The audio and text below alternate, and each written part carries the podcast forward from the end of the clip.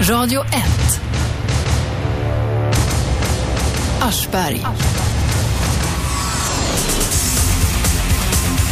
Veganer vakna, köttätare försvara er. Idag ska vi diskutera etiken kring slakt och djurhantering och det faktum att vi äter muskler, det säger veganerna. Själv är jag stor köttätare. Jag tycker mycket om blodiga biffar och sånt. Det går bra att ringa oss på 0211 12 13. I studion har vi riksdagsledamoten för Vänsterpartiet och vegetarianen Jens Holm. Och så har vi VDn för Svenskt Kött som är en intresseorganisation och det, hon heter Maria Forshuvud. Båda är hjärtligt välkomna hit. Vem vill börja? Ja, jag kan ju börja. Kom igen. Ja, Jens Holm för Vänsterpartiet. Jag har ju motionerat i riksdagen om att eh, vi borde minska köttkonsumtionen. Och det är inte för att jag tycker att eh, vi politiker ska bestämma vad folk ska ha på tallriken. Men det är eh, utifrån det faktum att eh, vi äter allt mer kött i världen och det här leder till att det blir allt svårare att föda världens befolkning med mat. Vi använder mer och mer spannmål för att föda upp djur till exempel. Och Det innebär ju också att vi bygger upp stora industrier kring det här. Det är inte som det var förr i tiden att djuren gick utomhus och betade, grisar kunde böka i geggan och så vidare, utan nu är det ju stora djurfabriker som det handlar om och djuren lider. Om vi äter mindre kött så har vi ju bättre förutsättningar för att föda upp djuren på ett bättre sätt. Maria? Eh, Jag tycker att det är oerhört viktigt att äta eh, rätt kött. Att, att, att välja det kött som man äter. Jag tycker också att det är fullständigt fritt val i att, vad man vill äta. Ehm, och eh, jag menar ju att vi ska äta svenskt kött såklart. Jag företräder också svenskt kött. Och skälet till att vi ska äta svenskt kött det är därför att vi har koll på hur vi föder upp djuren här. Vi har inte den typen av stora djurfabriker som eh, eh, finns i många andra länder utanför Sverige. Vi har eh, en väldigt bra uppfödning, bra djuruppfödning och vi har världens starkaste djurskyddslagstiftning som vi har att följa. Så att, Fast jag, jag skulle säga att skillnaden mellan eh, svensk djurindustri och den som finns nere på kontinenten är ganska marginell. Det är samma slags storskaliga djurfabriker i Sverige som det är i andra länder. Ta till exempel de eh, 80 miljoner broilerkycklingar som slaktas varje år i Sverige. Det är tiotusentals som föds upp eh, ja, i en stor hangar. De går omkring på det här området i 35 dagar innan ganska- de skickas iväg till slakt. De, eh, de bryter benen därför att de växer så fort, så deras eh, skelett hi- hinner inte med därför att de växer så otroligt fort. Man, har, man matar dem Maria, hela kom tiden så att de äter ju konstant. Maria. det är en onaturlig uppfödning det är väldigt stor skillnad på den uppfödning som vi har i Sverige och jämfört med i omvärlden. Och jag pratar framförallt om grisar och eh, korna, nötterna och eh, fårlammen här som jag kan bäst också. Fjäderfän, det ingår inte i Nej, jag har, inte er riktigt, jag, har inte, jag har inte riktigt koll på fjäderfäna här. Nej, men du får gärna snacka om Ja, eh, men- fåglar också. men det- Vi, vi, vi kan prata Men om det som är, det som är, det som är den stora skillnaden i Sverige jämfört med omvärlden, det är att vi har, vi har, lite, vi har större utrymme för de svenska grisarna. Vi har krav på att våra kossor ska gå ut och beta på sommaren och svenska grisar får ha knorren kvar. Och svenska grisar får halm, ska ha halm eller strö och beta. Vi tar in första med. lyssnaren. Vem är med Spännande. oss? Vem är med oss? Hallå? Hallå? Nej, det var någon skämtare. Då fortsätter vi. Det är full rulle här. Inga fåglar. Fåglar vill inte du snacka om. Inte så mycket nej. Det är bedrövligt att se det där. Själv vill jag ju äta ägg och höns som går och pickar. Och jag betalar gärna mer för det. Ja, men för det, kommer det är jätteviktigt att man vill betala mer för det. Ja, men du, eftersom du talar om svenskt kött, nu Ja. sticker jag iväg med en liten Ja. fråga här. Vad är det för fel på eh, kött från Argentina eller någonstans där de bara går på vidderna och äter gräs? Eh, det finns bra kött där också, men framförallt i, i Brasilien så är där ju, eh, en, med den här ökade köttkonsumtionen som, som Jens pratar om, så ökar också produktionen och risken för eh, man eh, skövlar regnskogen och det är en stor miljöbelastning. Mm. Men om vi nu säger det, ni har inget emot, du har inget emot det kött som kommer. Det- I mina ögon är det också ett väldigt gott kött. Ja, det är ett gott jag vet kött, att du ska jobba för svenskt kött, för svenska bönder. Jag är själv med i LRF, jag är Ja, inte någon aktiv bonde, men så jag är delägare i svenskt kött på något jävla konstigt sätt. Men det är alltså inget fel på det köttet, då vill jag ha det sagt, för att jag tycker det är jävligt gott och det är betydligt billigare. det är ett gott och bra kött. Men vill du eh, vara med och stödja den svenska landskapsbilden och ha koll på hur djuren är uppfödda så ska du välja det svenska köttet som också är väldigt gott och du får mycket för pengarna. Ja, men jag slår, jag har några ängar, de slår jag med en maskin. Då håller jag landskapet öppet på det viset. Det går lite diesel i och för sig. Ja, det gör det. Det gör det. Och Du kan ha får på det och, eh, och få jättefint Ja, det kött. Kan jag, men det har jag inte tid med. Man måste ju passa djuren. Ja, det ska man göra. Man ska ta hand om sina djur på ett bra sätt. Jens, det finns, du talar om miljöskäl till, till det här i första hand, men det finns också en etisk vinkel, eller hur? Ja, absolut. Och eh, om vi, vi kan ju prata om hur grisarna behandlas i Sverige. I Sverige slaktas det drygt 3 miljoner grisar varje år. Eh, Jag själv varit ute på eh, många uppfödningsanläggningar och det, det är ett fåtal. Det handlar om 10-15 tusen som får gå utomhus och böka, bygga bon, gå tillsammans i grupp. Precis det som grisar vill göra. Den absoluta merparten Det är fabriksgrisar. Ja, det är fabriksgrisar på, på ett betonggolv. De har möjligen lite strö, men det är ett inomhus på ett betonggolv. Och det Vem är med på telefon? Oj, jag vet, nu vet jag vad det är. Det är jag som har slarvat. En regel. Vem är med? Nej, de har inte. Det är jag som har glömt en knapp. Igen! Det visar, det bevisar att solen har fläckar. Nu kommer ni igen och ringer på 0200 11 12 13. Jag ber djup, allra djupast om ursäkt till de ringare som jag inte har fått fram här och tänkt onda tankar om. Det är jag som har gjort fel. Men nu funkar allting 0200 11 12 13. Jens, du klagade på grisfabrikerna. Maria. Ja, alltså det är återigen, vi, vi eh, får det vi betalar för. Vi har bra eh, stallar i Sverige, vi har bra djuruppfödning och framförallt så har vi bönder som bryr sig om hur djuren har det. Och sen så mm, eh, modellen på det sätt som man föder upp det, det eh, återspeglas i, i vad som säljs också. Den eh, grisar som går ute och, och får böka och ekologiska grisar finns i Sverige och det växer under förutsättning att vi frågar efter sådant kött också. Hur mycket dyrare är det då? Men jag kan inte... Nej, men ungefär. Är det dubbelt så dyrt? Nej, det är inte dubbelt så dyrt. Det tror jag inte att det är. Men det är något dyrare. Mm. Och det är då också något dyrare än det importerade köttet. Så att hela tiden så är det en prisstegring. Och det är därför som, vi, som jag menar att som, när du går och handlar kött så gör egna aktiva val. För du får det du köper. Finns det då att köpa? Det finns, men frågar vi efter det mer så kommer, eh, kommer den typen av uppfödning också att öka. Och det finns ett ökat intresse för att eh, eh, föda upp grisar även på det sättet. Gillar du det då Jens? Att om, om man är snäll med djuren då får man ändå slakta dem och käka dem. Eller vill du gå längre? Jag skulle, jag skulle helst se att vi inte slaktar djuren överhuvudtaget, men det är ingenting som jag vill lagstifta om, utan jag vill ju driva opinion för att eh, vi ska äta mindre kött och förhoppningsvis någon gång i framtiden så mm, inser människor att eh, vi behöver inte äta kött. Gäller det, jakt? jag- jag måste Gäller det jakt också? Eh, jag tycker att det finns en ganska stor skillnad vad det gäller jakt faktiskt. Därför att det, där handlar det ändå om djur som får vara ute i det fria och sen så dödas de ju i och för sig av en gevärskula, men det är ändå djur som lever helt naturligt innan, innan de dödas. Så jag tycker att det är en ganska stor skillnad på, jag ska inte jaga själv, men jag tycker ändå att det är en stor skillnad på den här industriliknande uppfödningen eh, och jakt eh, där djur ändå lever eh, fritt eh, innan de dödas. Och eh, jag tycker att, eh, bara, bara en sån sak, Maria här från Svenskt Kött försvarar svensk eh, grisuppfödning och då undrar jag, men en bärande del av det, det är att alla hangrisar, alla galtar, de kastrerar man utan bedövning. Man skär upp deras testiklar, de får inte ens bedövning. Det ska Maria få svara på alldeles strax. Jag vill ta in en ringare. Vem är där? Ja, det är leksakerna. Hej! Ja, vad vill du? Ah, dåre. Ja, svara på detta, Maria. Ja, och sen har jag en fråga till Jens efter det. Eh, när det gäller kastrering så vet Jens också väldigt väl hur debatten har gått och att eh, det är eh, på väg att införas eh, en, eh, det finns bedövning eh, för eh, svenska grisar som ska, ska kastreras och branschen har själv också sagt att eh, man eh, inför från och med nu smärtlindring också i samband med kastreringen. Och eh, under det här året, senast vid årsskiftet, så kommer alla grisar antingen att vara bedövade eller ha någon form av vaccinering. Jo, men det är för att vi har lagstiftat om det i riksdagen. Ni måste ju göra det. Men, men det- ni, det- det- ni och branschen, LRF, ni har ju lobbat mot Nej. att man ska ha eh, antingen vaccinering av grisarna så att man inte behöver kastrera dem eller att man åtminstone ska bedöva dem. Men ni har sagt att det här kostar för mycket pengar och det här är krångligt och det här vill vi inte ha.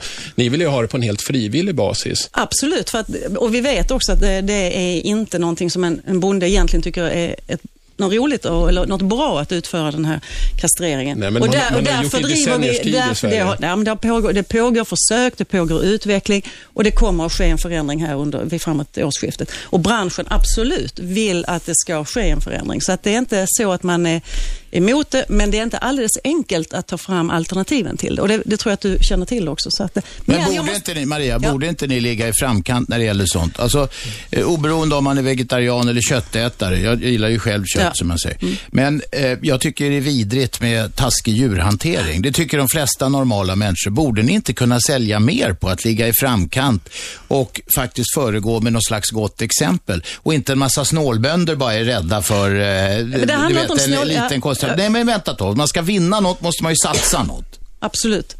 Ehm, och, eh, men det handlar inte om snålbönder här, för det handlar faktiskt om, om de svenska böndernas överlevnad. Jens pratade tidigare om att vi har tre miljoner grisar i Sverige. Ja, men det är en procent utav hela EUs djuruppfödning, grisproduktion. Alltså vi är väldigt, väldigt små och vi är i en krympande eh, marknad. Alltså svenska bönder får djuruppfödare har så dåligt betalt så att det ställ- läggs ner gårdar allt eftersom nu, eller besättningar allt eftersom på grissidan. Och alternativet är det som kommer in här. Det är grisar då som är uppfödda på helt andra villkor. Och därför måste det ske i takt med att man får betalt för det Jo, man gör. och det, ja, men det, man, man och kan det inte hålla på finns- och skylla ifrån sig på det viset. Ja, men det är Du inte att skylla tidigare- det är du inte- sa det är tidigare att har skylla den bästa sig. djurhållningen i hela världen. Och nu sitter du och försvarar... En- en- Ja, och nu- sitter du och försvarar en grym hantering av djuren därför att det kostar för mycket pengar, därför att eh, de här bönderna går i konkurs Nej, jag ifall för- att man ställer högre krav på hur man behandlar djuren. Jag Vem är med på telefon? Ja, det är Abloy, det är Abloy ska jag. Nej men lägg av och tjafsa. Det... Men jag ringer skulle, och vilja, jag skulle vilja fråga Jens. eh, Det, det långsiktiga målet som du hoppas på, att vi inte ska äta kött. Hur, hur klarar vi försörjningen på ett bra sätt i, i Sverige utan kött? Därför när vi har, har det klimat som vi har, om vi tittar på att vi vill ha eh, närproducerat, lokalproducerat eh, mat. Ja, vi, vi vet ju redan idag att ungefär hälften av allt kött som äts i Sverige är importerat och en stor del av det som, kött, eh, eller som eh, djuren äter är importerad spannmål. Man importerar soja till exempel från Brasilien, man importerar majs, man importerar raps och så vidare. Så att det här är ju en storskalig industri som inte, eh, som inte be- bedrivs på det här naturliga sättet, nämligen att djur går utomhus och håller landskapet öppet. Inte och, som och den där smörreklamen med de här glada nej, korna. Ver- nej, verkligen inte. In- Inte på något vis. Så att eh, ifall att eh, svenskarna skulle äta mindre kött och om vi på sikt skulle sluta äta kött, så skulle ju det innebära att ja, då behöver inte vi importera all den här sojan Nej, från Brasilien. men det är vi behöver en inte sak. importera en massa Vänta, kött Maria får komma in. ifrån Men det är ju länder. en sak, va? om vi drar ner vår köttkonsumtion och bestämmer oss för att äta det svenska köttet, eller inte bestämmer oss, utan man, man väljer aktivt själv att äta svenskt kött. För då, då blir det per automatik en minskad köttkonsumtion. Vi äter, alltså 50 procent av det kött vi äter i Sverige, det är importerat. Så att det, det stämmer det du säger. Men om vi också skulle sluta äta det svenska köttet, det som är uppfött i Sverige, hur klarar vi då, eh, kan man säga, den försörjning och det näringsbehov som finns? Det, alltså jag funderar, det är en, det är en öppen fråga. Näringsbehovet var väl mycket, det var, nu tog du väl i? Gjorde jag det? Ja, det går Nej, väl men det vet jag inte om jag gör därför att... eh, Folk skulle dö som flugor menar du? Nej, jag menar, inte, men, jag menar inte att folk skulle dö som flugor, men jag menar att det är oerhört mycket svårare att äta på ett bra sätt när du inte har köttet. Jo, men det- Och med svensk, om man ska titta på att man vill ha lokalproducerat eller närproducerat, Men det, svenska. det, det handlar ju också om att det tyvärr än så länge finns en för liten marknad för vegetariska produkter. Alltså vi vegetarianer är för få och därför så, det som finns ute i butiken, även om det finns mycket mer idag än vad det fanns för 15 år sedan då jag slutade äta kött, så, så finns det ju för, för lite och det innebär också att eh, de vegetariska produkterna ofta blir ganska dyra om man, om man jämför med köttet. Men Vem är med på telefon? Ja, jag heter Kent. Kom igen Kent. Jag skulle fråga, om man går ut och äter, hur ska man kunna veta att man får svenskt kött? Man går alltså går på restaurang. Ja, frågan är fri. Ett bra sätt tycker jag det är att du ska fråga och det tycker jag är eh, superbra. Jag försöker göra det själv mer och mer. Var, varifrån kommer köttet? Radio 1. Aschberg. Veganer, vakna köttätare, försvara er. Vi diskuterar eh, alla problem och möjligheter som finns med kötthantering, djurhantering i Sverige. Och det är rätt många sådana. Vi har med oss VDn för Svenskt Kött, Maria Forshuvud, och riksdagsledamoten för Vänsterpartiet, Jens Holm. De har drabbat samman en första gång här. Det går bra att ringa oss på 0200 11 12 13. Vem är med på telefon? Ja, god morgon, god morgon. Det är Lennart här. Historie-Lennart, en trogen ringare. Vad vill du idag Lennart? Jo, idag vill jag tala om det här med eh, veg- vegetarismen eh, kontra kött. Varsågod. Ja, jag tycker det är intressant ämne ni har tagit upp och jag, jag tycker väl konstatera det att eh, det jag håller med honom här i studien om att eh, djuren, djuren har ju förslavats va? och de- de lever under vidriga förhållanden. Och det, det motsätter jag mig mot. Och sen att köttkonsumtionen alltså har ju gått upp så kolossalt i det här landet om man jämför med tidigare år va. Och det, in, och det innebär ju också att vi skapar en ohälsa va? för att det är inte hälsosamt att äta stora mängder animaliskt kött alltså. Är det inte det? Har du själv gjort det? Ja, jag har gjort det tidigare. Och du är sjuk nu eller? Nej, men det innehåller mycket mättade fetter och det höjer kolesterolhalten i blodet. Kolesterolhalten, det där var ju bara en bluff. Och hjärt och kärlsjukdomar. Ja men det där med kolesterol, det är ju övergivet. Jag såg en gång i USA såg jag ett äpple de sålde på ett ställe, så stod det cholesterol free på. Ja, det, det, Ja men det där var ju bara en... det var ju nå- något larvigt alltså. Det var ju... Då var vi av med kolesterol, snacka inte om det. Nej, men det, Vad var det med mättade fetter? man kan i alla fall konstatera att hjärt och kärlsjukdomar påverkas utav Ja. eh, hög... Alla äter för mycket, Lennart. Är du själv lika tjock som jag är? Ja, det vet jag ju inte. Jag väger ungefär... Ja, det vet jag inte. Jag ska inte tala om min egen... Jo, säg vad du väger. Jag väger omkring 80 kilo alltså. Det är ingenting. Nej, Jag väger 100. Ja, just det. det. Och det är många som är, som är överviktiga idag. Va? Och det, det är ju så att vi kanske lever i en o, otroligt komfortabel tid alltså med alla bekvämligheter och så vidare. Och sen äter vi för mycket och rör på oss för lite. Det är en enkel matematik. Va? Ja, har du något budskap till gästerna i studion? Jag ville fråga den här damen här alltså, som står och försvarar... Maria från Svenskt Kött, ja. Ja, från Svensk Kött alltså att det där det är inte alls nödvändigt som ni propaganderar om att man ska äta så förbannat mycket kött för att hålla sig vital och stark. Man kan komplettera det med eh, en, en, en allmän kost utav vegetabilier och, och eh, man kan äta fisk likväl i så fall. Det är nyttigare än, än Jens, vad säger du om fisk? Är det fritt fram? Ja, det tycker jag. Ja, jag äter inte fisk. Eh, Världshaven är ju nästan helt utfiskade på, på fisk. Så att, eh, men om man ser rent Det finns odlad fisk. Det finns odlad fisk, men det intressanta där är ju att man ofta använder en massa fisk som man har fiskat upp, som man gör fiskmjöl av, Ja. och som man sen matar fisken med. Så att det känns inte som någon riktigt hållbar industri det där heller. En sak kan man konstatera att skulle mänskligheten på den här Tellus, på den här planeten istället äta sojaproteiner va, då skulle vi kunna, eh, betydligt fler människor skulle kunna leva i välstånd. Och det är de där så- sojaproteinodlingarna, de som de sprutar med en massa gifter Nej, så folk dör till höger och Det vänster. finns sojaodlingar i Österrike och i Europa som inte besprutas. Då säger bönderna i Sverige att det är för dyrt. Och, och sen är sojan högvärdig protein, alltså mycket bra protein. Och det är bevisligen så att eh, prote- ja, det proteinet som finns i sojan är, är likväl lika Ja, högvärdigt. Maria Wilén, håll igen Lennart. Maria.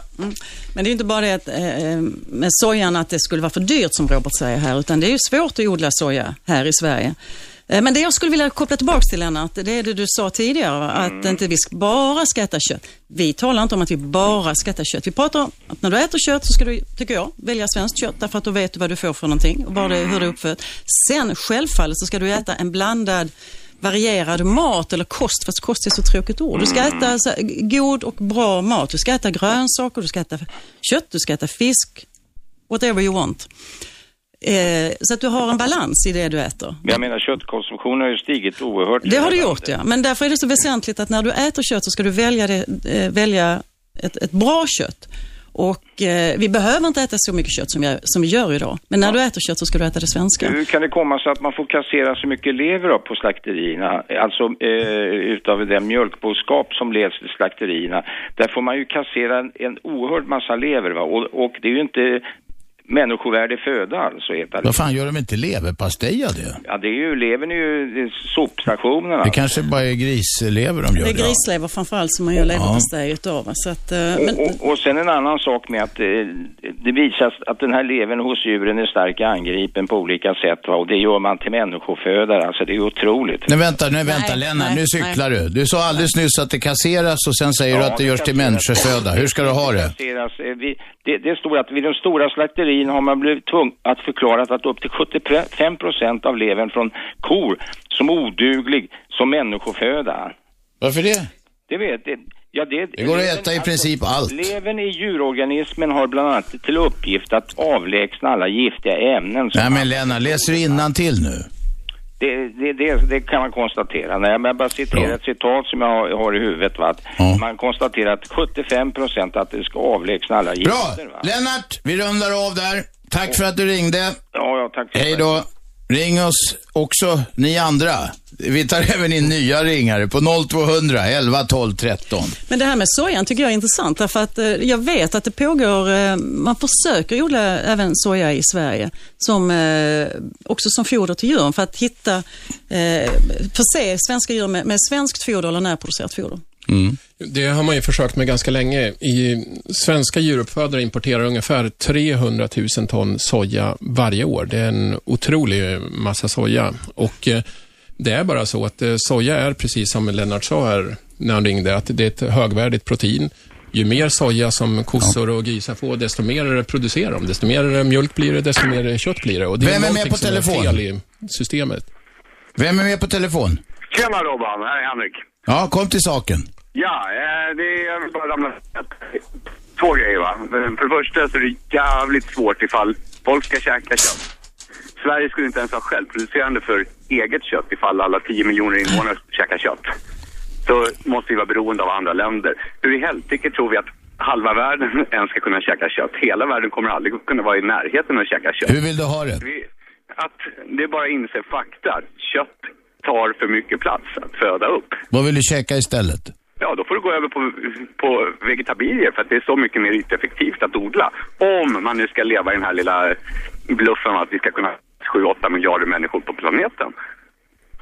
Sen så vill jag bara återkomma, svenskt kött, det är jävligt lätt ifall, tyvärr nu kommer jag in på den här tradiga ekonomiska grejen va. Men det är jävligt lätt för en riksdagsledamot och en VD för kött, svensk köttindustri att tala om att äh, det är bara att gå och plocka svenskt kött. Det kanske de kan göra, men jag tror att det är väldigt, väldigt många svenskar som, Som inte har råd. prislappen. Ja, ja. Det är liksom, det, det är faktum. Det är liksom, det, det, det är inte verklighetsförankrat va. Det är, jag- det Nej, men det är som vi sa, de flesta, ingen, väldigt få människor tror jag är för eh, taskig djurhantering. Så, men, men, Ja, men plånboken men- måste bestämma ibland. Ja, men syvende och sist va, då, då glömmer man bort det här. Utan då är det så, wow, 79 kronor kilot eller 199 kronor kilot. Ja, visst. Bara glasklart va.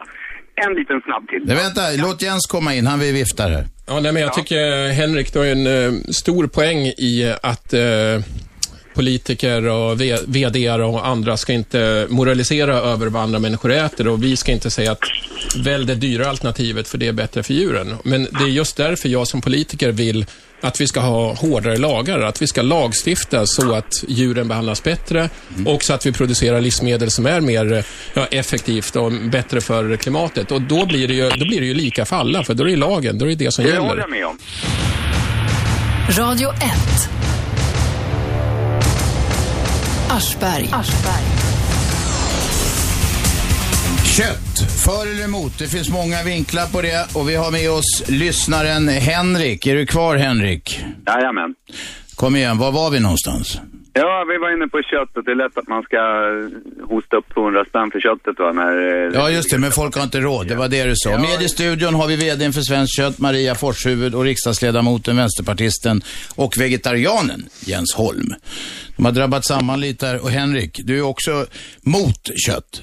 Nej, det är faktiskt inte sant. Du är för kött? Nej, jag är för kött. Jag äter kött. Jäkligt mycket kött. Men Okej. det är väldigt lätt att säga både att vi ska sluta käka kött. Jag tycker man ska vara lite medveten om den där krassa verkligheten att kött är en jävla lyx som en, ett fåtal. Ja. Hur var det förr i världen? Då den, folk slaktade julgrisen och så fick den räcka men- då och sen fanns det inget mer. Hur många levde på den tiden?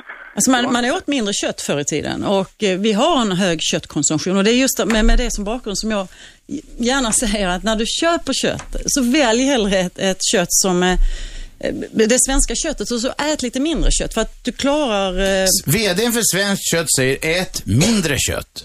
Du ska eh, vara medveten om det kött som du köper. Ät svenskt kött, det är det jag säger. Ja. Det är det som är så himla viktigt för, för Sverige faktiskt, att vi också har en svensk djuruppfödning för att kunna ha de öppna landskapen och för att kunna ha arbetstillfällen etc. etc. Jens? Det, det finns massor med goda värden som är kopplade till det svenska köttet. Men Men, det- då måste vi vara beredda att, betala och kött är billig mat idag. Det är inte så Är det? lite- Ja, det är ganska billigt idag. Jo, det, är- det är billigt. det, det är alldeles för Det- billigt i förhållande till, till det innehåll som det står för. Alltså vi, vi håller på att tappa respekten för mat lite grann.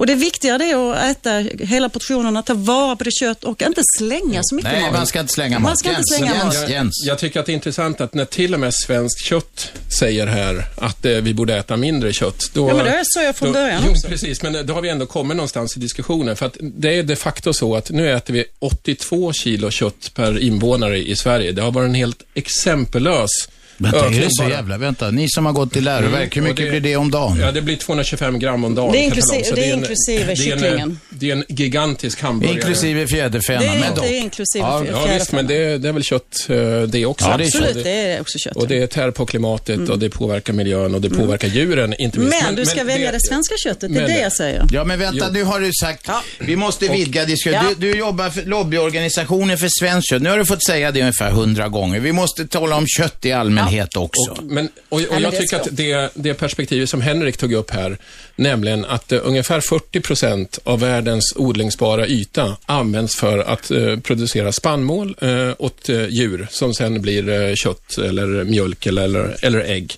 Och precis som Henrik också sa här, att det här är en lyx som är få förunnat. Och vad händer i Kina och Indien när människor blir rikare där?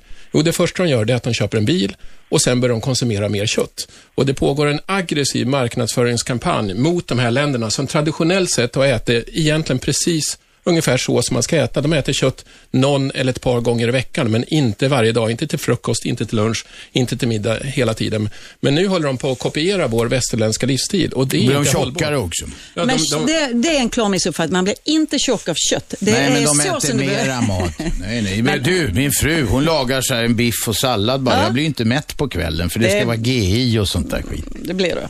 Nej, Kött jag blir inte mätt. Jag är, kan äta alldeles för mycket. Henrik, vill, har du några lösningar? Nej, men det är nog den sanna verkligheten, krassa verkligheten, att man får nog gå ner i köttkonsumtion, även om det svider. Och varför ska, ja, men det är svårt att se det perspektivet. Varför ska jag äta någonting som finns, va? Tänker du föregå med gott exempel? Svårt. Ja, och det är jäkligt svårt. Det är på samma sätt, det är jäkligt svårt för mig att gå och köpa den där oxfilén för 300 spänn kilot när jag vet att jag kan hitta brassekött för 149. Och det är inte sämre. Nej, i alla fall så tycker inte jag... Alltså rent jag- konsumtion, för, som konsument. Ja, precis. Och det är på samma sätt. Det är svårt att ändra invanda beteenden. Ett plus till jakten, va? jag tycker jakt är jäkligt bra också. Men vi ska komma ihåg att skulle vi nu liksom eh, bara leva på jagat kött, va? då skulle svenska befolkningen på en årsranson på, inte vet jag, fem kilo kött per skalle. Vänta du till vildsvinen växer till sig. Om man inte jagar dem hårt så växer det beståndet med 50 procent om året eller Jo, något men sånt. det, ena, det gör de ju hur som helst. Och det är gott kött. Konkurrens om, det är gott kött, det har jag ätit själv. Mm. Men då kommer de att växa på konkurrens om någonting annat och kanske rådjur eller älg minskar å andra sidan. Så att jag tror liksom goes around comes around. Vi kommer inte få mycket mer kött specifikt. Nej, men du, du, du, du är ju negativ som fan. Alltså det Jag finns, jag vill söker efter lösningar här också. Ja, men jag tror lösningen, det, det må vara negativt, det är att vi får äta mindre kött. Okej, där har vi lösningen. Hur många gånger i veckan? Beror på hur stora portioner va? Ja, ja, det är Men, klart. eh, ja, jag tror att man, man får väl räkna kanske, skitsvårt att gissa, säg tre gånger, tre gånger i veckan. Och jag inser fortfarande, vi sa någonting att fiska ur världshaven. Vi kan väl säga att världshaven till ytan är 70 procent av jordens yta. Ännu mer tror jag, eller är det 70? Ja, något sånt. Ja, Whatever, det, det är Henrik. Henrik rekommenderar kött tre gånger i veckan. Tack för att du ringde. Ni andra kan ringa på 0211 12 13. Maria? Alltså jag vet att eh, du säger att jag har sagt svenskt kött så många gånger. Va? Men Mm, det, är, det fick du sagt en ja, gång men till. det är väldigt svårt att inte säga det. Just därför att om vi pratar om att vi ska äta en balanserad kost och, och eh, kanske betala lite mer för köttet och så istället äta då lite mindre. Därför att vi ska behålla och ha... Mm. Lite, lite mindre. Vem är med på telefon? Det är Marcus. Kom igen, Marcus.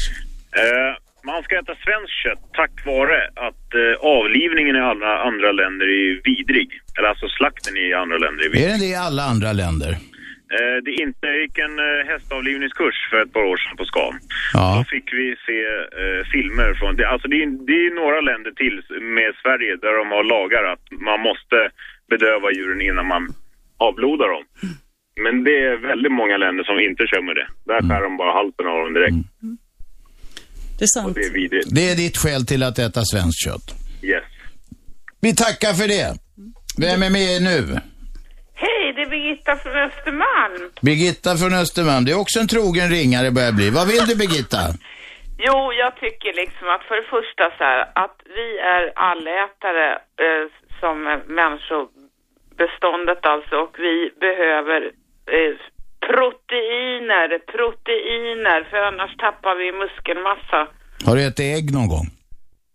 Ja, men liksom det, går, det finns inte lika mycket protein i ett ägg som i en köttbit. Jo då, för fan det gör det. Det är till och med sen mera tror jag. frågan om, num- du, jag är, det är, Det är mera protein i ägg än i jag kött. är gammal dansös, jag vet exakt hur man ska äta för att kunna klara sig. Var dansade du någonstans Birgitta? Förlåt? Var dansade du? Kungliga Teaterns... eh, Åh! Ja. Balletten? ja, när jag gick på skolan där, men sen blev jag för lång så att de körde ut. Ah, det är sån där hård gallring där. Det är en elak, elak gallring. va? Jag vet. Mm. Men i alla fall, och sen så, så undrar jag, den här Jens då, jag, vad lever han på för mat? Han Varsågod Jens. Ehm, Ja, man kan ju få i sig proteiner från eh, svenska baljväxter till exempel. Bönor, linser, ärtor. Eh, jag lever alldeles eh, utmärkt. Jag äter till exempel eh, korn eh, äter jag också. Det är vegetariskt. Smakar lite som kött, men eh, det är ett eh, vegetariskt alternativ. Eh, jag tycker att det är jättegott att steka bönor till exempel och så sen så blandar man det med grönsaker som man gör som en eh, ratatouille till exempel med tomat och paprika och lite grejer. Det Så låter som en jävla joxsoppa halv åtta. Nej, det är gott. Ja, det, det är gott. Ratatouille är gott. Ja, alltså Birgitta, jag, jag, jag tror att... eh, Kräkas bara jag såg det alltså. Nej, Birgitta, det är gott. jag det är att till och med svenskt kött håller med, Nej, eller men hur? alltså, det finns ju mycket god, eh, god mat och, och ratatouille tycker jag också är gott. Men, men det är alltså, det är komplicerat. Du måste ha mycket mera koll än vad många andra har. Om man ä- äter man kött så är det mycket enklare.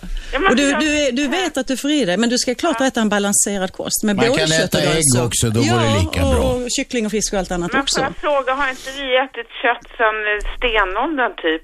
Jo, Jo, Birgitta, det, vi det har ätit kött väldigt länge, men den stora skillnaden idag är att vi har byggt fabriker, vi har byggt industrier för att eh, föda upp de här djuren så fort som möjligt, för att de ska producera så mycket som möjligt.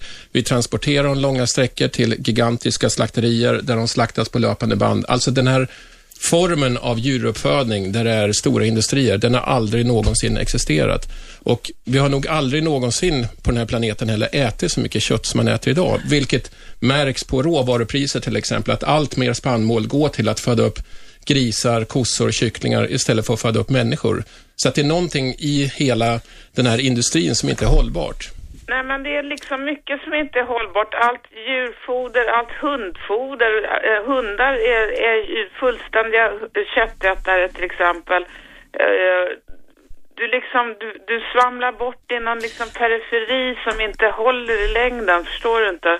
Nej, jag tycker nog inte Pro-. Problemet tycker jag är att, att det, det blir verkligen de, de stora och de svepande dragen här. För att vi, det finns industri som inte är bra och som inte är eh, storskalig uppfödning också. Men när vi tittar på, återigen, eh, hur vi gör i Sverige så har vi en, vi har en strikt reglering om hur vi ska föda upp djuren, hur vi ska ta hand om, hur vi ska ta hand om gödsel och hur vi ska utfodra dem, hur vi slaktar dem och framförallt också hur vi transporterar dem.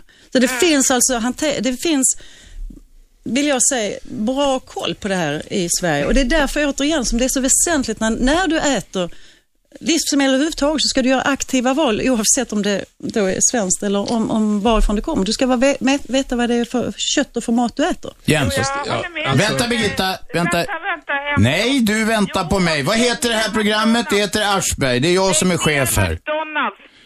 Lägg ner Det- McDonalds. Ja, det men det kan- får, du- det kan det vi får du stå för Birgitta. det. Det är Men- nog svårt att göra om det inte blir väldigt konstig lagstiftning. Det är Jens, en väldigt Nej, stor jag- köttkonsument då. men du var ju för kött nyss. Ja, jag är för kött, men den här andra Jens eller vad han heter sitter ju och fjantar sig. Birgitta, vi, Birgitta, vi måste hålla en rak linje här.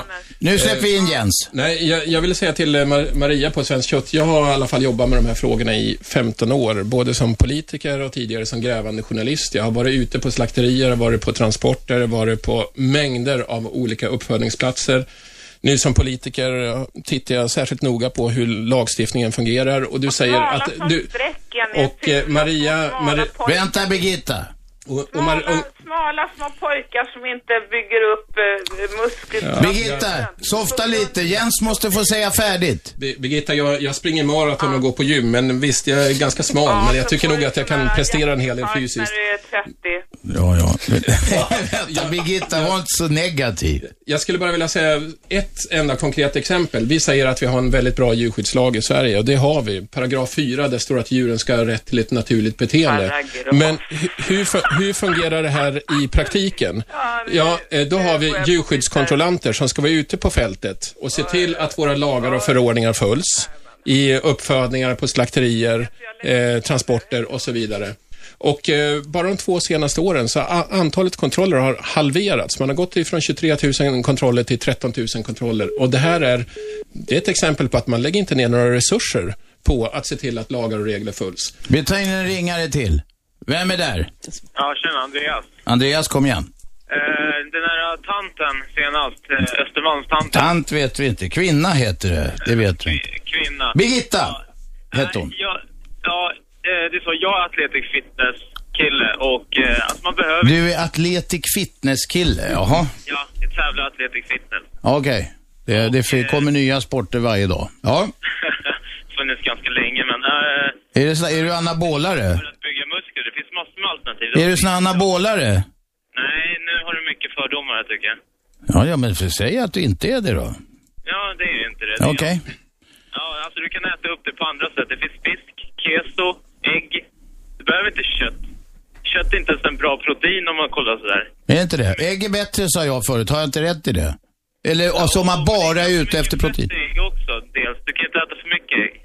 Ja, men det. Nej, det blir inte för bra. Nej. Men vill du ha naturliga proteiner som är bra och som är, täcker det mesta så är en bit kött väldigt bra istället för att blanda ihop proteindrycker. Mm. Svenskt kött glömde du säga. Ja, ja. Tack, men du sa det. Ja, Tack. ja, ja. Radio 1. Aschberg. Veganer vakna, köttätare, försvara er rätt att äta blodiga biffar. Vi diskuterar kött idag. Vi har med oss VDn för Svenskt kött, Maria Forshuvud och riksdagsledamoten för Vänsterpartiet samt vegetarianen Jens Holm. Med på telefon hade vi Athletic Fitness-killen. Är du där? Yes. Och han är emot kött. Ja, alltså, Nej, du tycker inte det är nödvändigt? Jag är inte Mot kött, utan en svensk kött. Det är så jävla dyrt. Tycker du att det är dyrt? Jag tycker det är svindyrt. Alltså till skillnad från kyckling, eller till skillnad från fisk så är det jävligt dyrt. Om du kollar på antal proteiner. Ja, alltså eh, svenskt kött är, det är dyrare än, än det importerade köttet, det är det. Men om du tittar så hittar du mm, säger nästan tyvärr väldigt mycket billigt eh, svenskt kött också. Och det finns mycket bra kött ute i, i diskarna. Varför sa du tyvärr? Är det dåligt då eller? När jag sa billigt? Nej, du sa om du tittar så hittar du också tyvärr, mycket Väl- billigt bill- svenskt kött. Billigt, alltså det jag menar, när jag säger tyvärr så menar jag att, att priset är så lågt för att det går tillbaks till bonden. Bonden Så- får inget. Nej, bonden alltså, eh, vårt stora problem idag på, på den svenska sidan, den svenska djuruppfödare får för lite betalt. Så vi, den svenska djurproduktionen är starkt utförslöpad. Du, säg någon gång som jordbrukarna inte har klagat. Ja, men tyvärr är det ju så att du kan titta, alltså sen årsskiftet så tror jag att det är 100-120 grisuppfödare som har lagt av. Okej. Så att det, det är liksom, det är inte bara klag utan det är, det är allvar just nu. Det är mycket allvarligt faktiskt. Du, Athletic Fitness, hur vill du ha det? Nej, jag... antingen lika billigt som kyckling och fisk, men det kommer ju aldrig hända. Men kyckling är, smakar ju inte mycket om man inte köper sån här fin majskyckling eller bjärekyckling och den är ju med dyr. marinad, du kan göra med massor med olika sätt. Sen Ja. behöver inte allting vara extremt jävla gott heller. Jo, allting behöver vara extremt jävla gott, men man kan inte äta ostron och kaviar och grejer varje dag, för det har man inte råd Det gör med. jag inte heller, jag Nej. äter jävligt nyttigt. Så. Mm. Men mat ska vara gott tycker Ja, jag. Jens? Ja, nej, men det, det finns väl massvis med bra grönsaker man kan äta och baljväxter, bönor, kikärtor, kidneybönor, linser, grönärtor och så vidare. Och jag tror att det är väldigt mycket en, en vanesak. Är man van att alltid äta kött så då är det klart att man tycker att det kanske smakar lite annorlunda med, med baljväxter. Men eh, om man äter det och man kryddar det bra och man blandar det med andra grönsaker så kommer man känna att det här är riktigt gott. Man behöver inte äta kött hela tiden. Hur så? Man måste våga prova på Ja, det, Ja, men det, du måste man sa, verkligen. det du sa om kyckling, det gäller ju faktiskt också för mycket kött. Nämligen att det smakar ju inte någonting. Utan salt, peppar, marinad, kryddor eller någonting, då smakar ju det ungefär som korn gör, Mm. omarinerat eller okryddat. Nej, men du. Eh, Det jag- mesta sa jag. Ja. Sen finns det ju svenskt kött och det smakar alltid bättre, eller? Ja, det, men det är tack Jens. Enda Sverige svenskt Jag börjar lära mig. kött har. Ja. Ja, men alltså jag måste berätta. Jag, jag träffade eh, väldigt duktiga kockar här eh, som sa att eh, när vi får tag på svenskt nötkött så är det oslagbart i sin smak. Därför att det har en egen frisk, god smak. Det svenska... När vi får tag i Ja, svenskt är det så nötkött, att- det är väl bara att gå och handla? Ja, det är bara att gå och handla, men det ska då vara i det här fallet så vill de ha ett, ett, kött som är välhängt, som är Från ett mörat. gårdsslakteri eller något sånt där, där de har behöver det inte vara, men att det ska framförallt vara välhängt och att det ska vara ett marmorerat kött. Mm. Och då säger de, det är helt oslagbart i sin egen smak. Det var apropå detta med salt och peppar. Men det är klart att, att eh, salt och peppar lyfter ju fram smaken, men även i sin egen smak så... så Mm. Kött hängs i allmänhet för lite och det gäller vilt också. Det, Mm. det går ju mot att man ska hänga det mer. Men folk är så jävla rädda för bakterier. Mina unga tittar på ett mjölkpaket och säger, fan det här går ut om två dagar. Det kan inte, det är ju sinnessjukt. Men lukta på grejerna. Luktar det Exakt. bra kan man Det är bra. käka det. och då slipper man att slänga så mycket mat. Ja, Jens. Nej, men eh, Maria pratar ju om eh, svenskt kött som om det vore liksom producerat på det mest naturliga sätt och det smakar så annorlunda och så. Men det här är ju en del av samma djurindustri som finns över i princip eh, hela världen. Alltså det där, den där uppfödningen där grisarna får gå utomhus och böka eller kycklingar får springa omkring eh, som de vill och så vidare. Det existerar ju knappt. Alltså det är verkligen på marginalen. Vi pratar ju om promille av produktionen. Och det säger sig självt lite grann att Ska vi äta 225 gram rent kött om dagen per person, alla svenskar, hela tiden, 365 dagar i veckan, då blir det stora Eller om industrier. året i alla fall, Ja, ja. om året. Ja, ja, Men det blir för mycket. Då, då blir det stora industrier. Det går liksom inte att komma ifrån. inte, det, men varför ska vi äta så mycket kött Ja, men alltså- varje dag, hela året? Nej, men det det vi, det, vänta ett tag, det var ju det Jens sa, att Ja. så är det idag. Ja, var det inte det du ja, sa? ja, Stämmer så- det? Stämmer uppgiften?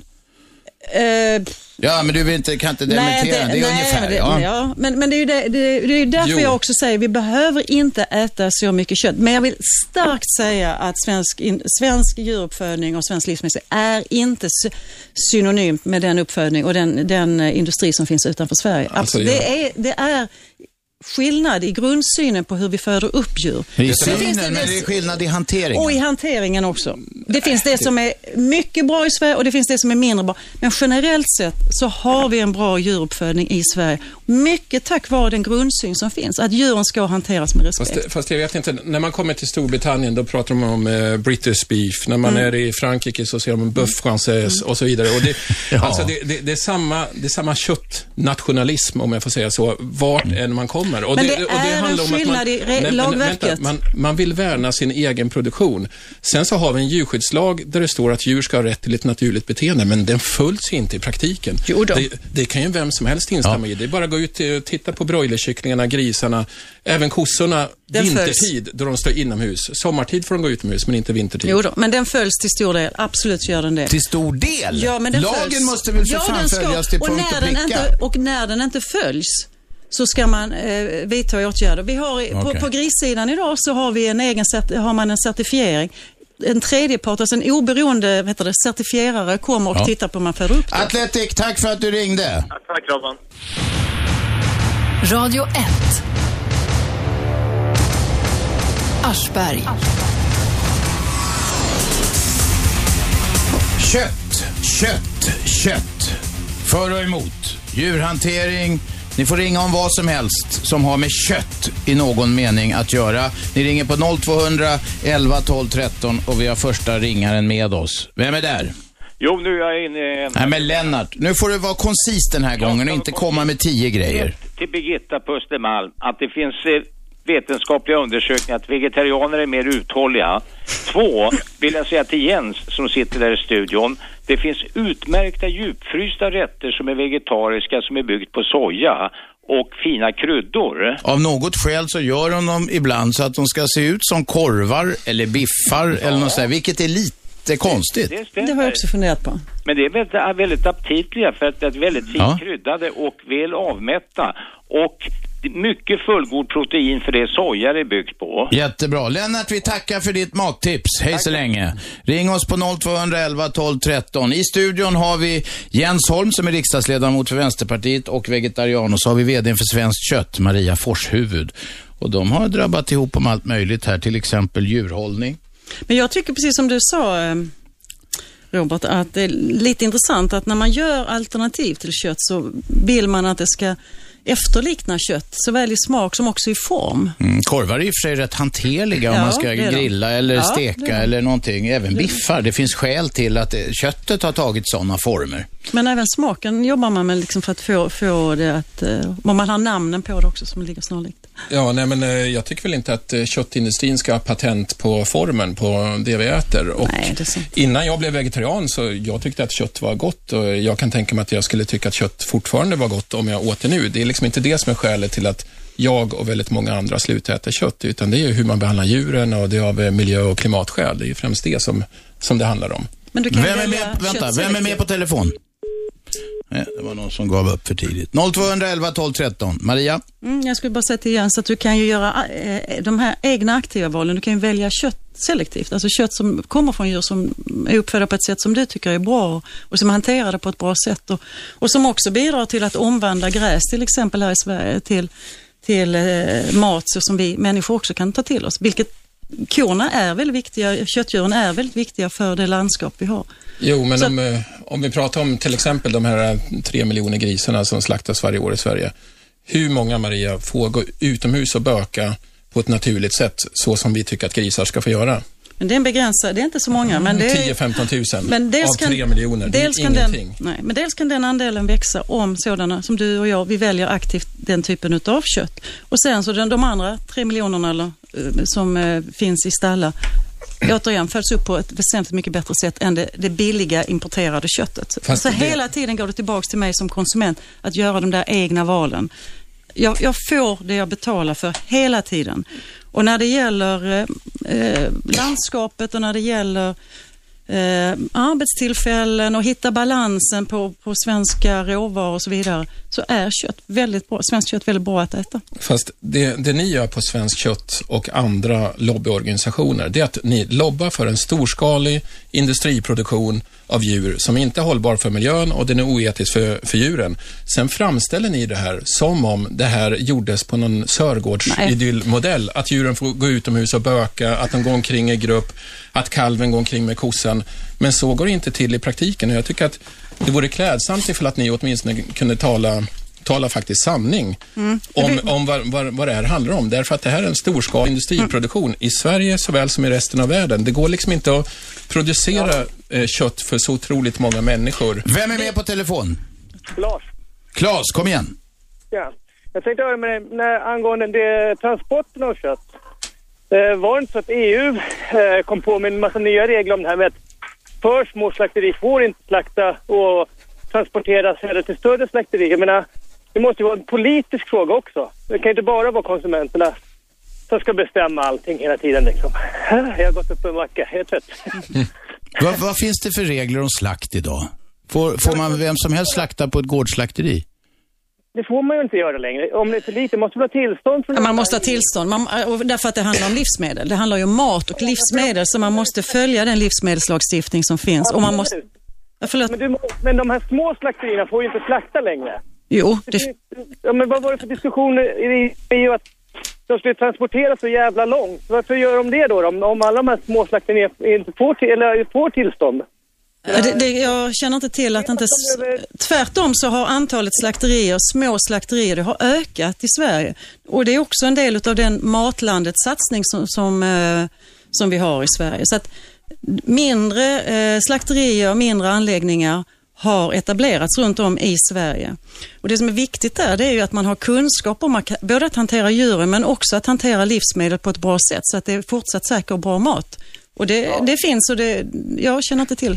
Men, men samtidigt, så, samtidigt så sker en... Vä- vä- vänta, vänta Claes, Jens vill in. Nej, men samtidigt så sker en koncentration till ett fåtal stor, eh, storskaliga slakterier i, i Sverige.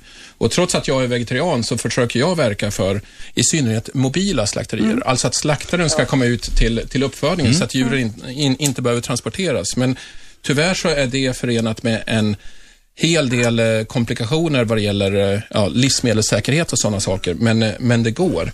Men jag skulle säga att de, de svenska producenterna är inte särskilt intresserade av det, därför att de är intresserade av att kunna kränga så mycket kött som möjligt och då är det tyvärr långa transporter och det är stora slakterier som är modellen. Det finns, det finns två utvecklingar i detta och det är precis som jag sa tidigare att det finns fler småskaliga slakterier och det finns också ett intresse bland en del uppfödare att gå samman och starta mindre slakterier. Därför att Eh, eh, de vill själva ha kontrollen. Men sen är det också en investering och det behövs, behövs ganska mycket pengar och det behövs också kunskap att kunna ta hand om om både djuren och köttet på, på ett bra sätt. Och sen de stora slakterierna som vi har i Sverige, ja, de är, eh, med svenska mått mätt så finns det stora slakterier, men med internationella mått, de är ju jättesmå. Vi har Men det en är, procent. det är bra då. Vänta, du håller med allmänt. Med det resonemanget så utgår jag från att du håller med om att ju mindre slakterierna är, desto bättre för nej, djuren. Nej, det gör jag inte. Utan, men du eh, sa ju att det är värre utomlands.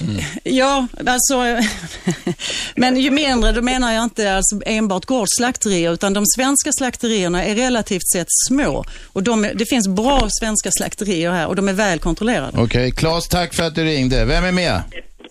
Ja, hej, mitt namn är Nina. Nina, skruva ner radion och kom till saken. Ja, ja, det ska jag göra. Eh, för det första, småskaliga slakterier. Är det någon som kan tala om var ligger närmaste slakteriet i, runt Stockholm? Och sen så andra så propagerar du för ägg. Var kommer ägg ifrån? Det kommer från höns. Höns är kött. Och hur har hönsen det? I, i, det står frigående höns inomhus. Det, ja, jag, jag, vi, vi svenskar slår oss för bröstet och tycker att vi är så himla bra och har bra djurhållning. Men vad är det för djur? Alltså, och låta dem få gå inomhus. Djur ska gå utomhus så mycket som möjligt. I alla fall på sommaren. Det kan bli kallt på vintern kanske för hönsen. Ja, precis, på sommaren. Och där, korna, där har vi lagstiftning och alla kor går ute på sommaren. Men hönsen går inte ute på sommaren. Grisarna går inte, väldigt få höns och väldigt få grisar går ute på sommaren. Man borde kräva lika mycket där, att de ska ut. Maria nickar. Men det är alltså tillbaks till det här, vi, vi får återigen det vi betalar för och genom att eh, köpa eh, produkter. Ja, jag, jag köper alltid ägg som är, är från vad heter det? frigående höns Det är jättebra. utomhus. Men du, det är ju lite ljug för de går ju inte ute på vintern. Nej, nej, men utomhus på sommaren gör de ju. I alla fall, och det är ju huvudsaken. Och att det finns möjlighet. Höns inomhus. Mm. Vem fan vill gå i en hangar? Skulle du vilja det? I året om aldrig liksom få frisk luft. Det var en retorisk fråga. Jag tror svaret är nej. Förlåt, vad sa du? Nej, jag tror att ingen vill gå bo i en hangar, nej. Nej, det är Du, du började med att fråga om det finns slakterier i närheten utav Stockholm. Just precis. Jag har hört att den närmsta ligger antingen i Nyköping eller Norrköping. Ja, det finns, alltså jag har inte, jag har inte, jag har inte stenkoll på, på slag, men jag vet Vad att fan det hände finns... med slakthusområdet? Är det bara yuppisar som håller Nej till då, där nu? men där är inte slakt. För jag undrar om det är slakt eller styckning som du far efter. För att just på slakthusområdet, där finns det styckningscentraler. Ja, men du säger vi slakt. Det var Ja, det då det, fin- frågade det efter. finns mindre slakterier uppe vid, eh, utanför Uppsala och sen så finns det ett större slakteri i Linköping och sen finns det ett, säkert flera, flera slakterier. Ja, Linköping. Du kan ju tänka dig om de ska åka från Vallentuna till Linköping. Korna liksom. Eh, och så in i en slaktbil då. Eller, ja. Och sen så liksom, ja, in med allihopa och så. Det är klart att djuren blir ju stressade. Och ett stressat kött är ju inte bra heller. Det blir ju torrt. Så jag är för, som du sa också, mera, eller Jens var det, mera mobila slakterier. Det är ju enklare. Då går, kommer de ut till gården och så slaktas djuren där och det är liksom, då blir inte djuren stressade heller. Vad är det som hindrar det, Maria? Vadå? Jag frågar Maria som sitter här i studion. Vad är det som hindrar det? Det är för dyrt. Det är, alltså, eh, tekniken finns, men där är ju väldigt mycket runt och framförallt om du ska slakta eh, djur så att eh, flera djur åt gången. Det, blir, det är mycket att ta hand om när man slaktar ett djur också. Så att det, rent, rent praktiskt så är det inte alldeles enkelt. Men det finns den möjligheten också. Men det är kanske ännu bättre att ha eh, mindre små slakterier i så fall. om man går, som man går samman om, om man, som, ett, eh, som ett komplement till det. Men, men här kan vi också då koppla tillbaks till eh, det vi pratade om priset tidigare. Och jag tror att det är viktigt att det finns alltså olika typer utav både ehm, eller, eh, olika prisnivåer så att man som konsument kan göra egna valet varifrån då köttet kommer. Det- För jag, vi har haft flera då som har pratat om att de redan idag tycker att det svenska köttet är för dyrt. Och jag menar att det svenska köttet är, är en, jag, jag tror inte att det svenska köttet är, är eh, Jag tycker inte det är så dyrt. Nej. Som den här killen, vad var det han sa? Ehm, fisk. För Då är ju fisk dyrare. Varför, alltså fisken, det är ju jättemycket vatten i. Det, alltså när, om vi säger då färdiga produkten, då, är, då måste fisk vara mycket dyrare. Jens. Maria sa från Svenskt Kött att det ska finnas olika prisnivåer och så ska konsumenterna själva få välja. Men då blir det ju en klassfråga. Då blir det ju bara överklassen som har råd att köpa Nej, nej, jag- någorlunda etiskt eh, kött, eh, om, om vi säger så. Det, jag som politiker måste ändå få slå ett slag för faktiskt eh, lagstiftning. Att eh, om vi ser till att vi i alla fall får bort avarterna inom den här uppfödningen, att man kastrerar grisar utan bedövning till Ja, exempel. Långa transporter och så vidare. Då blir det ju samma för alla. Då slipper man stå där med dåligt samvete och Men så- köpa ett eh, billigt kött som är helt oetiskt. Men, men, men sen tycker jag att hela grundfrågan handlar ju om volymer. Alltså, om vi äter så mycket kött som vi gör idag, då får vi djurfabrikerna och långa transporter. Det går liksom inte att komma ifrån. Om vi kraftigt drar ner på köttkonsumtionen, då får vi många miljövinster och vi kan göra det här också på ett mer småskaligt sätt med till exempel mobila slakterier. Nina, hur mycket kött äter du? Hur mycket kött jag käkar? Ja, Äh, du, jag käkar godis och mackor. men godis det är ju sån här mular och skit som de gör gelatin av. Ja, ja, precis. precis. Nej, men jag... Hur mycket gelatin käkar du? godis, om vi ska prata miljöbovar, så är godis en stor sådan. Kött. Alltså jag käkar lite, ja. Ja, jag käkar inte så mycket. Nej. Ja, jag, jag vet inte hur mycket jag Bra. käkar. Men Ta- då, jag, Ja. jag, jag köper svenskt kött. Ja, det är bra. Tack för, att, tack för att du ringde. Vem är med här?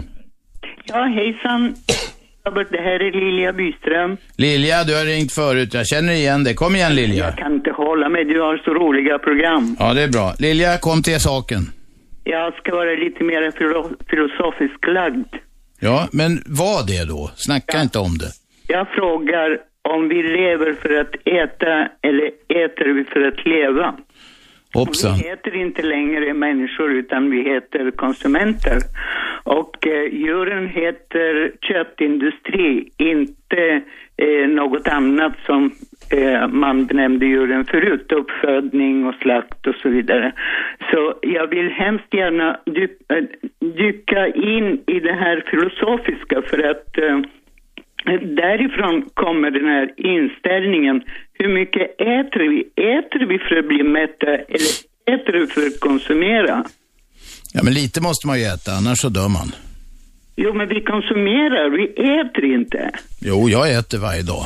Jo, men vi äter och jag tycker att det är viktigt, så som du säger också, att eh, det- det handlar om, där finns ett, ett, ett mått av etik i att äta också. Att göra de här aktiva valen som vi har pratat om här idag. Och eh, att inte äta, eh, att inte slänga mat till exempel, utan ta hand om maten på ett bra sätt och äta en balanserad kost som består. Jens får svara på filosofiska frågan också. Ja, nej men eh, äta måste vi förstås göra, men vi kan ju göra aktiva val vad vi, vad vi äter för något. Men det, jag, det som stör mig, det är att organisationer som Svenskt Kött, de propagerar ju för en ökad köttkonsumtion. Alltså kör reklamkampanjer och beskriver det här som, som om det vore en Sörgårdsidyll, men i själva verket är det industrier som vi pratar om, där djuren lider.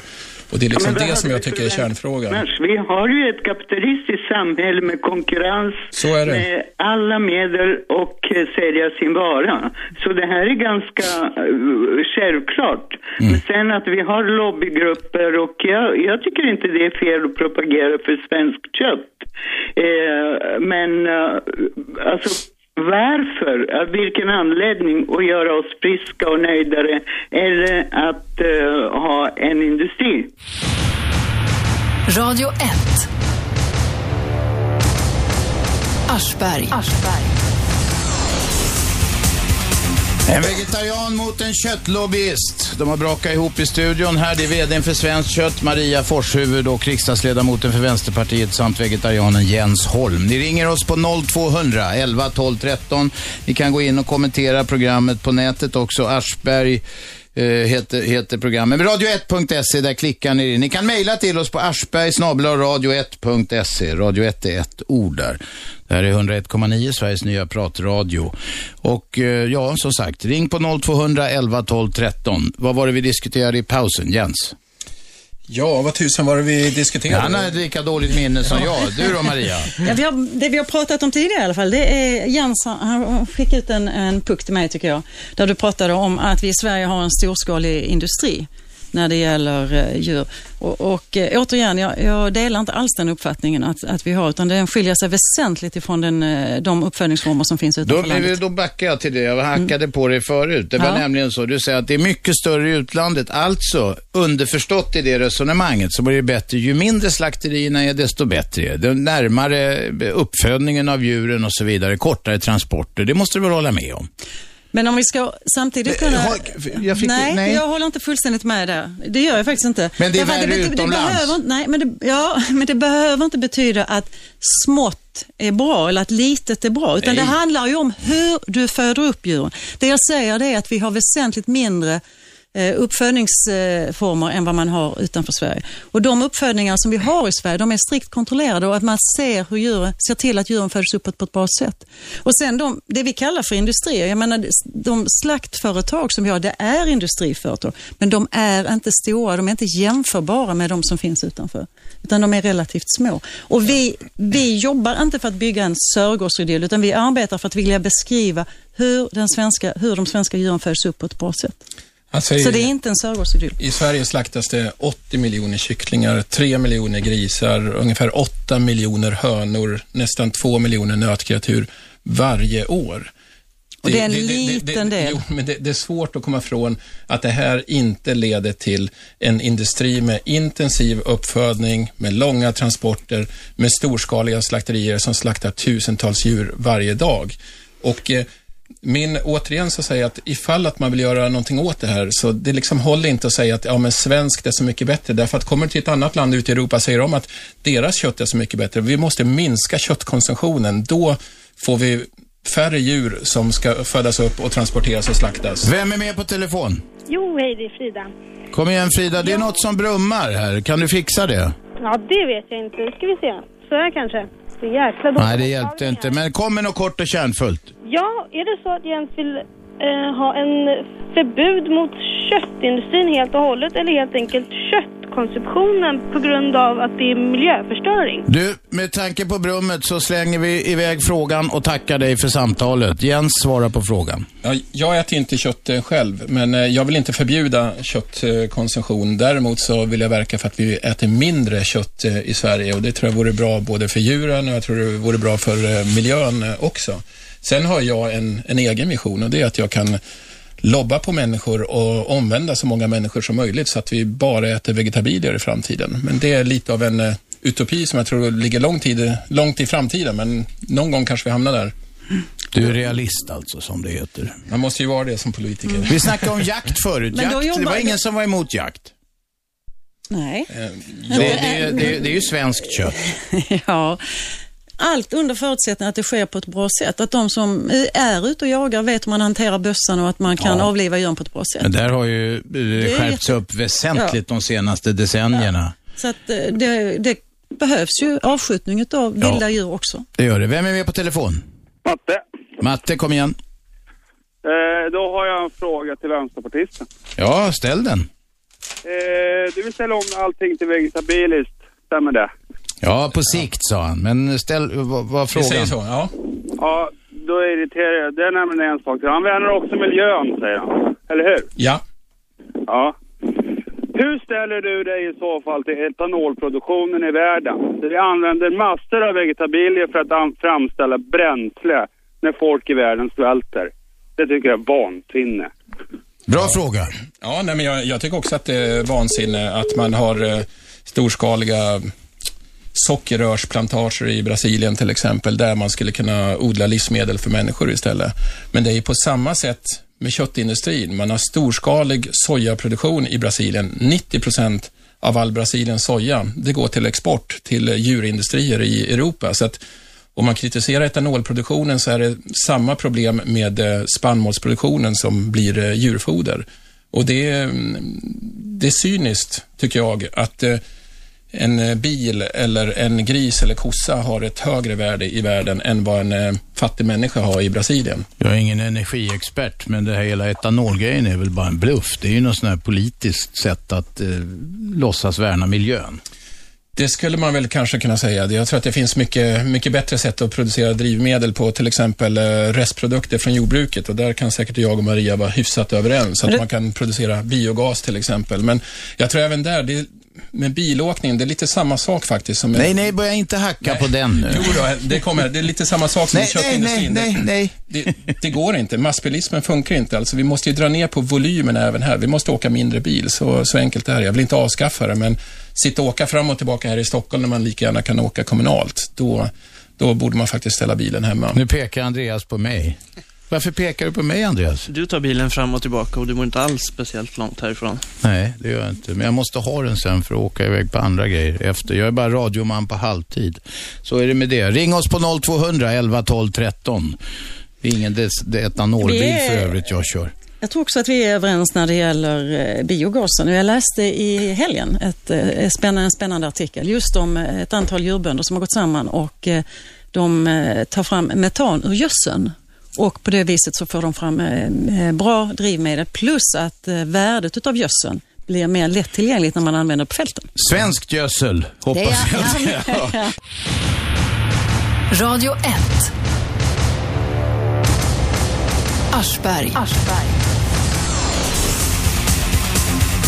Veganer vakna, köttätare försvarar er rätt att sätta blodig biff på bordet. I pausen här har vi diskuterat eh, griskastrering. Vi tänkte vi ska ta upp det lite grann i slutspurten. Ring oss 0211 12 13. I studion har vi vdn för Svenskt Kött, Maria Forshuvud och riksdagsledamoten Vänsterpartiet, vegetarianen Jens Holm. Eh, griskastrering, ja. Jens ställde en fråga till Maria om griskastrering. Nu är det så att det där har skett obedövat Stämmer. Det har skett obedövat. hela tiden och det är djurplågeri. Mm, det, är, det är ett ingrepp som gör ont också. Ja, det gör ont. Och vad händer nu? Det som nu händer det är att bönderna kommer att ge eh, inledningsvis smärtlindring till grisarna eh, inför det att man, man kastrerar dem. Och, eh, jag vet att djurhälsovården som är en eh, veterinärorganisation förbereder utbildning till lantbrukare så att de kan ge bedövning innan de kastrerar. För att Jordbruksverket har första april i år gett eh, OK till att utföra bedövning. Mm. Och då Parallell- finns ju alternativet vaccinering som gör då på något vis att eh, de...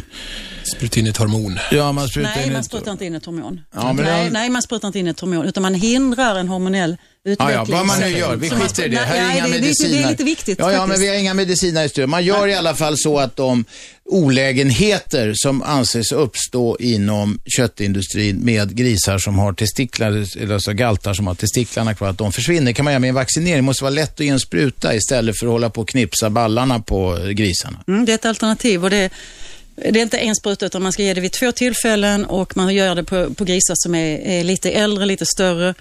Så att det är inte alldeles enkelt för djurskötaren. Och det finns en oro bland djurskötarna om de själva skulle sticka sig, framförallt eh, unga tjejer som är i fertil ålder. Vad skulle hända då? Och då finns det en, en rutin så att man ska inte, om man har... Men herregud, Ja. man, ja, om man inte sätter på en slaktmask, det, det finns väl en risk för att man får den i pallet Ja, men, själv om man ja, slafsar. men en slaktmask, då är du ute, oftast i alla fall ute i, ett slakteri. Och har, Ja, ja. Men det här är, är också. Men det, det man nu gör när det gäller vaccinering, om vi ska titta på det, det är att slakterierna de tittar på rutiner för att eh, hantera grisar som kommer in som är vaccinerade under, om det är så att inte vaccineringen har tagit. Så att inte vi får ut galtkött. Säkra upp att inte vi får ut galtkött i konsument, för det vill vi inte. Så det, kommer, det kommer finnas två alternativ här framåt eh, hösten, årsskiftet, sannolikt. Kastrering handlar ju om att man helt enkelt skär upp testiklarna på galtar, på hangrisar. Och Ja, du man har, ut man, ja, och man har gjort det utan bedövning i Sverige i decenniers tid egentligen. för några veckor sedan så fattade vi beslut i riksdagen att eh, det här ska stoppas nu. Så det, det tycker jag är väldigt bra. Och eh, tidigare så har svenska grisproducenter har motsatt sig ett sånt här stopp. Eh, och det tycker jag är, är tråkigt. Men jag tycker att det är positivt att höra nu från Maria att eh, Svensk kött och svenska grisproducenter är helt med på att det här ska inte få ske obedövat länge. Så det, det är ett framsteg i alla fall. Bra, då är ni eniga om en sak i alla fall. Vem är med på telefon? Tom Hallin här. Tom, kom igen. Hejsan. Jag har en fråga till Jens. Uh, I och med att du vill lagstifta så mycket, jag är, jag är varken för eller emot, men är du inte orolig att du, att du kommer göra produktionen av kött i Sverige så pass dyr att, ja, att den svenska köttet helt egentligen blir utkonkurrerat och att vi måste är så illa tvungna att importera de här nu tre miljoner grisarna som vi producerar till Sverige, att vi måste importera dem från utlandet där kanske förhållandena är än sämre än vad de är här, även om nu är något bra enligt Maria. Ja, man ska väl i och för sig erkänna att det här är en verksamhet som är satt under hård konkurrens och det här är liksom en press som finns på producenter runt om i hela Europa. Men jag tycker att eh, svenska producenter borde vara stolta över ifall att vi får hårdare lagar som skyddar djuren. Så borde man vara stolt över det och man borde visa upp det. Och det tror jag också är någonting som så gott som alla svenskar vill ha. Man vill inte att djur ska plågas. Så att jag tror att man välkomnar ifall att det blir hårdare lagar. Och jag tror att folk också tycker att det är skönt att man ska slippa stå där i butiken och ha lite då, dåligt samvete för att man väljer en produkt som är billigare och sen så finns det en annan produkt som kanske är dubbelt så dyr, men man har inte råd att köpa den där dyrare som är mer etisk. Och då tycker jag att det är bra med standardisering och med lagar som ser till att vi höjer nivåerna överlag. I hela EU i så fall, för att i, vi har hårdare lagar i Sverige än vad vi har i omvärlden. På vissa områden har det. Ja. På de allra flesta. Tom, var du nöjd med svaret? Uh, nej, det var inte riktigt. Alltså grejen är den Jens, alltså, jag, förstår, jag förstår vad du menar, att du vill standardisera och att du vill göra det på något sätt. Uh, alltså, ja, du vill skapa en standard helt enkelt generellt över hela Sverige. Men mm. grejen är att vi frånkommer fortfarande inte det faktumet att i slutändan, precis som alla håller på att nämna hela tiden, att det är, att det är konsumenten i slutändan som, som bestämmer hur det kommer att bli. Eh, och jag menar, titta bara till exempel nu på hur det ser ut eh, i, i Sverige. Alltså Maria nämner att det är mer och mer slakterier som, som går omkull hela tiden. Eh, och gör vi den hanteringen ännu dyrare, då, då, finns, då är ändå risken så pass överhängande att svenskt kött kommer bli utslaget helt och hållet. Och då, för jag antar att målsättningen för din del Jens, det är ju att så många djur som möjligt ska må så bra som möjligt. Alltså, ungefär lite så. Och outsource, på, slå ut svenskt kött helt och hållet, då, ja, då är det tre miljoner till grisar som kommer må än sämre än vad de redan gör nu. Mm, nej, jag, jag vill inte slå ut eh, någon produktion, men jag ifrågasätter också den här uppfattningen om att standarden i Sverige skulle vara så extremt mycket högre. Vi pratade om eh, griskastrering här tidigare. Mm. Det finns flera länder runt om i världen som, där det är förbjudet, där man inte gör det. Så att det är inte alltid så att vi faktiskt är eh, bäst på allt i Sverige, utan jag tror att om vi bara höjer standarden här i Sverige så blir det också någonting som faktiskt svenska producenter kan lyfta fram och säga att eh, ser ni här, eh, här behandlar vi djuren bättre för att vi har hårdare lagar. Och så är det redan idag. Alltså vi har generellt sett en väldigt hög standard jämfört med hur det är både i Danmark, i Tyskland och många länder som vi importerar kött ifrån. Man har en helt annan typ av uppfödning. Vi har pratat om det flera gånger idag. Tom, tack. Vem är med där? Ja, hej, Marcus här. Marcus igen, va? Uh, nej, nej, jag har inte ringt in förut. Nej, okej. Okay. Då är det en ny Marcus. Kom igen. Ja, ja hej, hej. Raska jo. taskar. Vi är inte lång tid kvar. Ja, visst. Eh, jag tänkte höra varför, kan man, varför är det inte tillåtet att slakta djur på samma sätt, eller, eller fr framförallt då nötkreatur som man gör i Sydamerika? När man kör ut eh, mobila slakterier till eh, där, där djuren föds upp. Det är tillåtet, men det finns en massa regler om, som gör att det är krångligt och förmodligen blir det dålig business. Va? Det, är väl det, det är väl det man får ändra på istället. Nu nickar båda här i studion. Okej, okay, för uh, jag gick ju en, en, en, liten kurs på det där och uh, för, ja, skulle stå och sälja lite kött då, men då, för det verkade ju för, förbaskat bra det där. Det var inga transporter med levande djur utan det var ju bara döda djur som transporterades. Kan man inte lätta upp den där lagstiftningen lite grann? Jo, jag, jag tycker det och jag verkar för det i riksdagen. Men vi måste ju samtidigt se till att eh, det produceras ett kött som är, som är säkert att äta. Man får liksom inte tumma på Nej, men det, det, då får man ju lätta upp lagstiftningen och göra det på ett korrekt sätt. Det är klart att alla vill ha ett kött som är eh, eh, schysst ur livsmedelssynpunkt och så Och jag, vidare. jag tror att det finns mycket man kan göra. Det Bra, då slutar vi i enighet om detta. Tack för att du ringde, Marcus. Vi är tillbaka imorgon klockan 10. Vad är det vi har, Andreas? Imorgon kommer statsheraldiker Henrik Klackenberg hit. Statsheraldiken, vi ska diskutera den svenska fanan, gul och blå och så vidare. Ni får ringa om den. Det låter lite konstigt, men jag tror vi kan få fart på den debatten. Eh, varje vardag 10 till 12 på 101,7 Sveriges nya pratradio. Vi ses imorgon. Detta är Aschberg. Hej då. 101,9 Radio 1. Sveriges nya pratradio.